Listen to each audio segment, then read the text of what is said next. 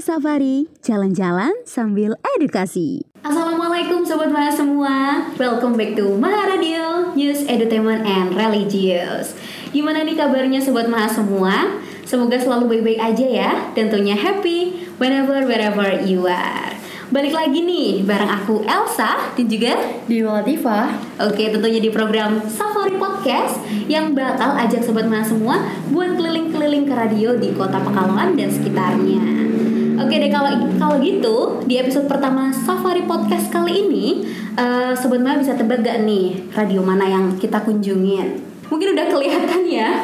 Sekarang kita ada di RKS yaitu Radio Kota Santri. Tentunya salah satu radio yang hits yang ada di Kota Pekalongan dan juga di sekitarnya. Jadi sekarang Dewil kita udah ada di RKS. Nah, seperti tadi yang Mbak Elsa bilang nih, kita udah ada di RKS dan sekarang kita udah ada dua narasumber yang cantik dan ganteng nih. Ada Mbak Lala dan Mas Reza. Halo Mbak Lala dan Mas Reza. Halo. Gimana nih kabarnya ya Mbak Lala? Alhamdulillah kabar baik. Iya. Mas Reza gimana? Alhamdulillah sehat luar biasa Allahu Akbar. Sekarang sibuk ngapain Mbak dan Mas? Kita sibuk siaran aja ya. Iya sibuk ya. siaran aja sih. Hmm, oke. Iya. Jadi kita nih dari uh, Maharadio dari IAIN Pekalongan nih Mbak Mas. Kita pengen tanya-tanya seputar RKS, gimana RKS, teknis-teknis gitu. Oke, boleh. Iya, boleh kan? Uh, untuk pertanyaan pertama nih, Dewil, apa nih? Uh, pertanyaan pertama yaitu sejarah RKS. Sejak kapan berdiri dan gimana prosesnya sih Mbak dan Mas? Kalau RKS itu berdiri berarti namanya bukan RKS dulu, masih namanya RSPD. Jadi RSPD itu dulu di daerah uh, Wiradesa itu pada tahun 1977. Terus baru pindah ke sini itu sekitar tahun 2011. Terus ganti nama jadi Radio Kota Santri sampai sekarang. Hmm, apa itu Mas RSPD? RSPD itu kepanjangannya radio apa? Kurang tahu itu. Kurang tahu juga. Itu sih. mungkin uh, sesepuh ya. Karena itu juga udah dari dulu Udah dari banget dulu ya, banget Mbak ya, ya. Ya. Kita generasi baru ya di sini ya. Mm. Kalau gitu nih, eh, ada nggak sih struktur atau susunan organisasi di RKS ini? Ada, Ada. untuk strukturnya pasti ada banget. Nah, kita ini kan dari RKS radio, kita kan radio ikut pemerintah ya, jadi kita ikut naungannya Kominfo. Nah, untuk bagian paling atasnya itu uh, dari Kominfonya dulu, nanti setelah dari Kominfo masuk ke strukturnya RKS ada direktur siar, ada penyiar, Penyiar. terus juga ada uh, reporter, ada ini juga ya apa Penanggung jawab penanggung jawab program, musik director juga ada kayak gitu. Oh berarti eh, nggak cuma siaran aja ya gitu, maksudnya ada masing-masing job di dalam, Di eh, dalam strukturnya itu iya. ya. strukturnya. Oke. Kalau Mbak Lala sendiri nih, eh, mungkin kita pengen tahu lah Mbak Oh, Lala iya. gimana masuk RKS-nya gitu. Awal-awalnya mungkin bisa diceritain. Masuk RKS dulu bulan Februari 2020. Eh, waktu itu kan saya baru wisuda di bulan Desember 2019 ya. Nah itu RKS buka lowongan pas bulan Januari pertengahan. Di situ saya ikut coba buat ngelamar terus ikut interview. Nah pas di Januari akhirnya itu eh, alhamdulillah ada pengumuman lolos masuk ke RKS Alhamdulillah. terus eh, eh, masuk di RKS eh, pas banget tanggal 1 Februarinya itu. Dan buat sobat mas semua nih ya yang belum tahu, Mbak Lala sama Mbak Reza itu, eh Mbak Reza mohon maaf Mas, Mas Reza itu sama-sama angkatan dari IAIN Pekalongan loh. Jadi eh, apa ya kita tuh kayak bertemu sama Bertemu alumni sama eh, alumni dari IAIN Pekalongan. Jadi em, Mbak Lala sama Mas Reza juga dari KPI ya? Ya, kalau mereka berarti bertemu sama alumni, kalau kita seperti bertemu sama adik sendiri ya. iya betul Sama adik sendiri, waduh.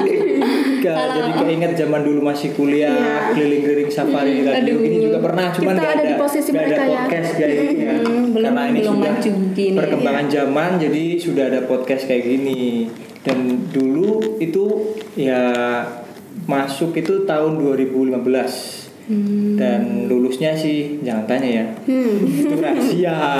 ya Kalau Mas Reza nih ya, Devil belum jelasin nih Mas Reza di sininya gimana gitu Oh. masuk ke RKS? Kalau dulu itu berarti pertama masuk itu tahun 2021 pas bulan eh, berarti bulan November pertama kali masuk itu pas tanggal 1 terus training satu bulan dan alhamdulillah sudah sampai sekarang. Nah, yang ngasih informasi itu Mbak Lala ada lowongan di sini terus ngasih udah informasi.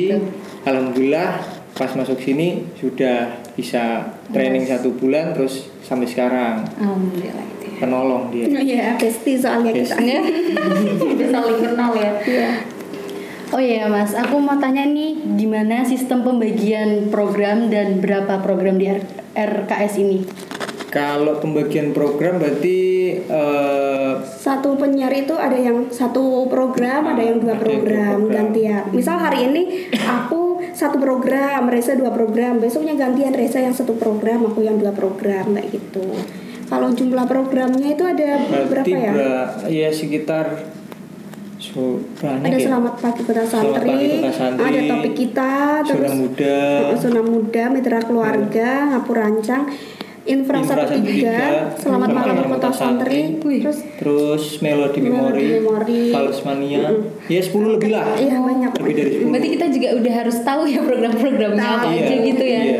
Dan kita juga ada program khusus di hari Minggu. Jadi hari Senin sampai Sabtu itu programnya Program sama, reguler. reguler. Terus hari Minggu itu ada program, program khusus. Oh, program khususnya berarti itu gimana? Berarti yang nggak tayang di hari, yang nggak mengudara di hari Senin sampai Sabtu. Berarti khusus spesial untuk hari Minggu itu jadwalnya beda. program Jadi sendiri. seperti dunia anak, terus kemudian melodi memori, Fals Mania itu di hari Minggu seperti itu. Hmm, seperti itu. Oke.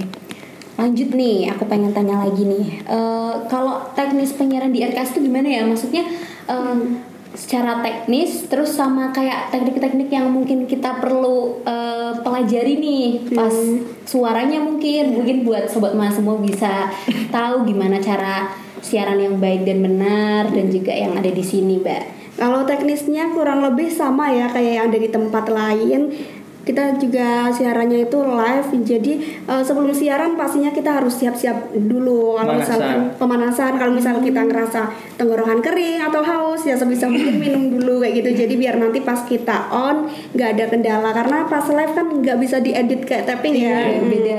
Iya, jadi kecuali kalau kita tapping, kita juga ada tappingnya juga. Nah itu kalau tapping mungkin lebih santai ya. Ya lebih santai. Jadi misalkan kalau salah kan bisa dipotong lah, Edit, diedit gitu ya, Mas, seperti ya. itu. Kayak misalkan tadi ada contoh program eh, la- tangga lagu eh, baik yang dangdut maupun yang pop. Oh ya yang top chart gitu Ah. ya. Oh. Itu biasanya eh, kita santai ya sa- salah-salah juga, salah-salah Iya. juga nanti terus dipotong seperti itu. Oh ya nih, ada lagi pertanyaan hal-hal penting yang perlu diperhatikan saat siaran itu gimana Mas dan Mbak? Kalau yang paling penting sih sebenarnya ya tadi pemanasan dulu biasanya eh, olah apa olahraga olah, olahraga wajah ya olahraga mulut. Ya seperti menyebutkan huruf a i u e u biar jelas supaya mengurangi ya, ya? artikulasi seperti itu kan. Mengurangi belibet lah. Ya belibet itu satu kali dua kali pernah. Cuman kan biar kita mengantisipasi dan ya. terbiasa seperti itu. Misalkan yang dari satu kalimat itu belibetnya awalnya lima sek- sekarang sudah bisa berkurang tiga misal seperti itu jadi mengantisipasi supaya nggak terlalu banyak belibet Iya, terus juga kita harus uh, menguasai programnya nih, menguasai lagunya. Misal kita siaran zona muda, kita Nah. harus tahu lagu-lagu terbaru karena zona muda kan muter lagu-lagu yang, Yang paling hits baru hits gitu ya, atau yang mungkin Iya, dari TikTok iya, gitu. gitu. Update ya, harus tahu Iya. Mbak, ya.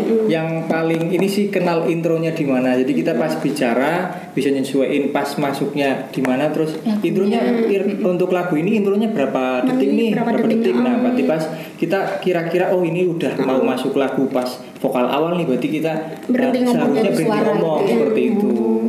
Kalau untuk teknik suara nih, mungkin eh, mungkin kan sobat mama belum pada tahu gimana teknik-teknik eh, suara untuk siaran gitu. Teknik suara buat siaran. ya biasa pakai aja ya. dari Mm, perut, kita berarti harus voice Iya, yang penting emphasizingnya ya, penak- mm, penekanannya gitu. penekanannya sama jelas aja gitu kalau buat suaranya nggak perlu harus bagus juga sih ya yang penting kita uh, ngomongnya jelas sama nafasnya kuat kayak gitu Oh iya, ada nggak sih Mbak dan Mas syarat-syarat masuk di RKS ini? Syarat yang paling utama sih ini ya di RKS itu yang pertama eh, menyukai dunia radio karena kalau nggak suka itu sulit sulit Iya. ya lah karena kita kan berhubungan dengan dunia radio kalau misalkan sukanya masak nggak mungkin masuk sini kan Iya. sukanya masak masuk Iya. sini kan nasi Adaptasinya susah ya. disuruh ngedit malah bikin nasi goreng kan Iya betul. Mungkin buat sobat Maya yang suka ngomong gitu nah, ya. suka ngomong yang paling penting suka ngomong yang terus suka nanti ngobrol. Iya syarat-syarat selanjutnya sih biasanya terkait pendidikan aja ya, seperti pendidikan itu Oh, terkait pendidikan. iya misalnya harus kalau di sini harus itu sih S1. iya Hmm, Di sini harus S1. Kalau target nih dari eh, setiap programnya itu targetnya itu untuk usia berapa aja nih, Mbak?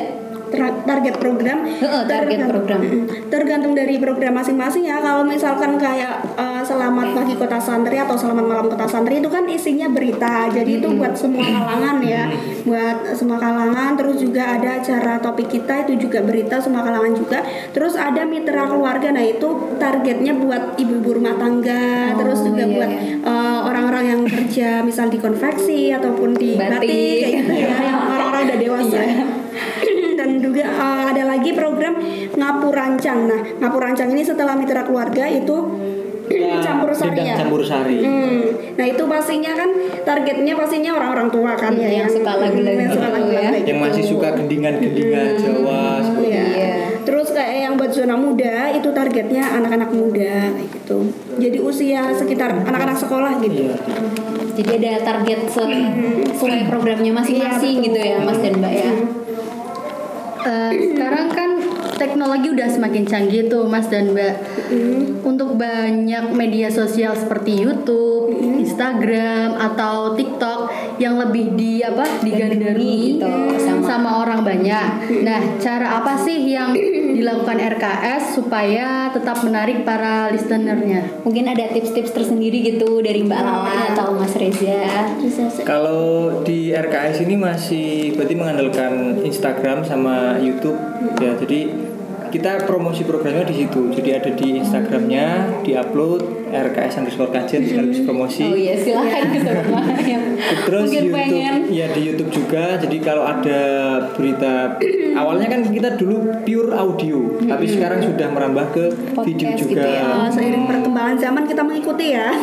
Seiring per- Di zaman. perkembangan zaman kita juga buat akun YouTube juga. Jadi di situ diupload beberapa eh, kerjasama dengan dinas-dinas di sini juga eh, diupload di RKS TV seperti itu. Oke, jadi selain fokus siaran pakai eh, apa namanya satelit itu, Satelit. kita juga itu ya Mas ya di RKS. Merambah ke YouTube juga. Oke, kalau masalah pas siaran nih, mungkin ada kendala-kendala gitu nggak sih yang eh, terjadi saat RKS sedang ke- kalau pas siaran nih Mas dan Mbak, ada nggak sih kendala-kendala yang mungkin terjadi yang di luar rencana kita gitu mungkin biasanya apa aja? Ya kalau itu sering ya Sering. namanya uh, radio itu enggak ya enggak semua kan enggak cuma di RKS saja mungkin di beberapa radio juga kalau kendalanya itu biasanya mungkin pas hujan ya apalagi kita letaknya di kajian kajian itu sering banget Sering hujan. nggak kayak di daerah lain ya. Kajian paling sering banget hujan. Nah itu kalau pas hujan itu kendalanya kita harus matiin pemancar kan. Jadi eh, nggak bisa siaran pas lagi hujan deras. Nah itu kendalanya mungkin ya. Jadi pendengarnya itu pada nyariin ya ini RKS kenapa kok kresek-kresek? Nah itu ternyata di kajian sedang hujan dan kita matiin kayak gitu. Antisipasi supaya nggak biar nggak kena petir. Karena kalau misalkan kena petir itu biaya maintenance-nya mahal. lebih mahal ya Lebih mahal. apalagi juga katanya RKS tuh di bawah naungan Iya. pemerintah Karena gitu kita ya kan jadi termasuknya berarti LPPL ya, Iya. lembaga penyiaran publik lokal dari Kabupaten Pekalongan. Kalau misalkan di Pe- di Pekalongan juga ada masing-masing kayak RKB di Pekalongan terus di Batang juga ada Abirawan. Nah kalau di Kabupaten, kabupaten Pekalongan ini itu ada RKS, seperti itu. oh Apa saja sih fasilitas alat-alat di RKS dan kegunaannya? Kalau fasilitas di RKS banyak ya karena kita kan ini kan kantor ya tempat kerja. Jadi yang pasti yang pertama yang wajib banget ada komputer ya dan selain itu yang buat siaran yang wajib ada banget ada mixer. Nah itu juga salah satu yang wajib banget buat siaran karena kalau nggak ada itu kita nggak bisa siaran Bisa. walaupun ada komputer. Terus Tapi juga- bukan mixer yang buat itu ya. Ah, beda buat roti bukan, bukan, bukan ya terus juga ada pemancar juga wajib banget karena kalau ada mixer ada komputer nggak ada ada pemancar nggak ada pendengarnya Yang denger cuma kita aja di kuping. ya nggak sampai telinga sampai pendengar telinga Iya. pendengar. Kalau itu apa namanya? Masalah siaran-siaran itu kita di sini pakainya apa aja mbak? Eh, aplikasinya mungkin yang buat dipakai gitu. kalau buat siaran BPM ya BPM di sini pakainya BPM. Selain itu kati- eh, tadi katanya kan eh, ada ngedit-ngedit pas tapping. Nah itu pakainya apa? Kalau di sini pakainya Adobe Audition. Oh oke Adobe Audition. Audition. Iya. Selain itu nih, aku mau pengen tanya apa lagi nih, Dewi? Ada lagi nih Mbak Elsa. Total program program-program di RKS dan ada nggak sih program-program di momen-momen tertentu? Ada. Ada. total programnya banyak ya yang 10 tadi kita udah ya. sebutin 10 lebih ya.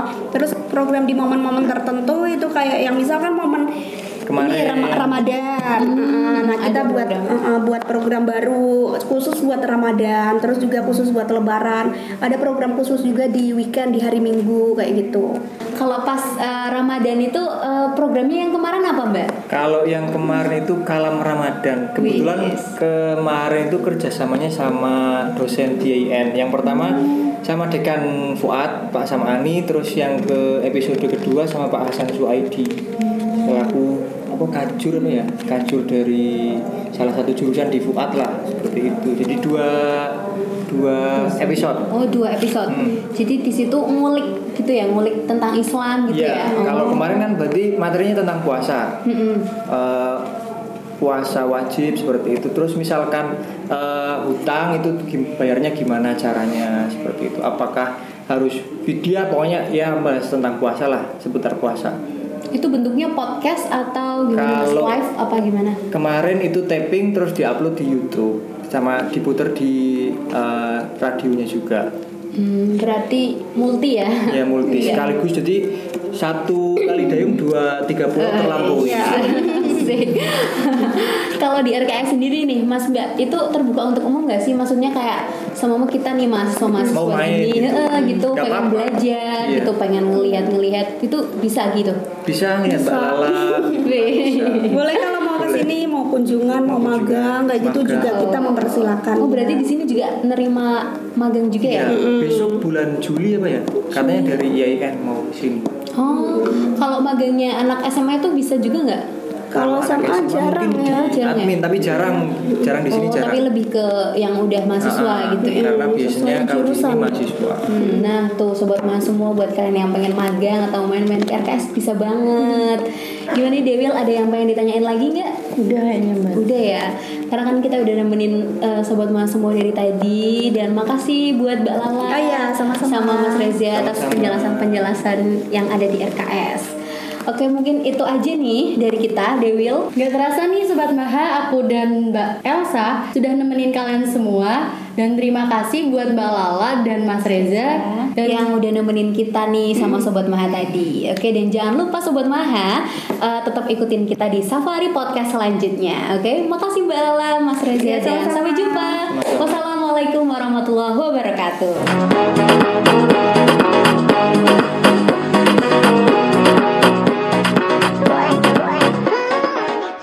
Safari, jalan-jalan sambil edukasi.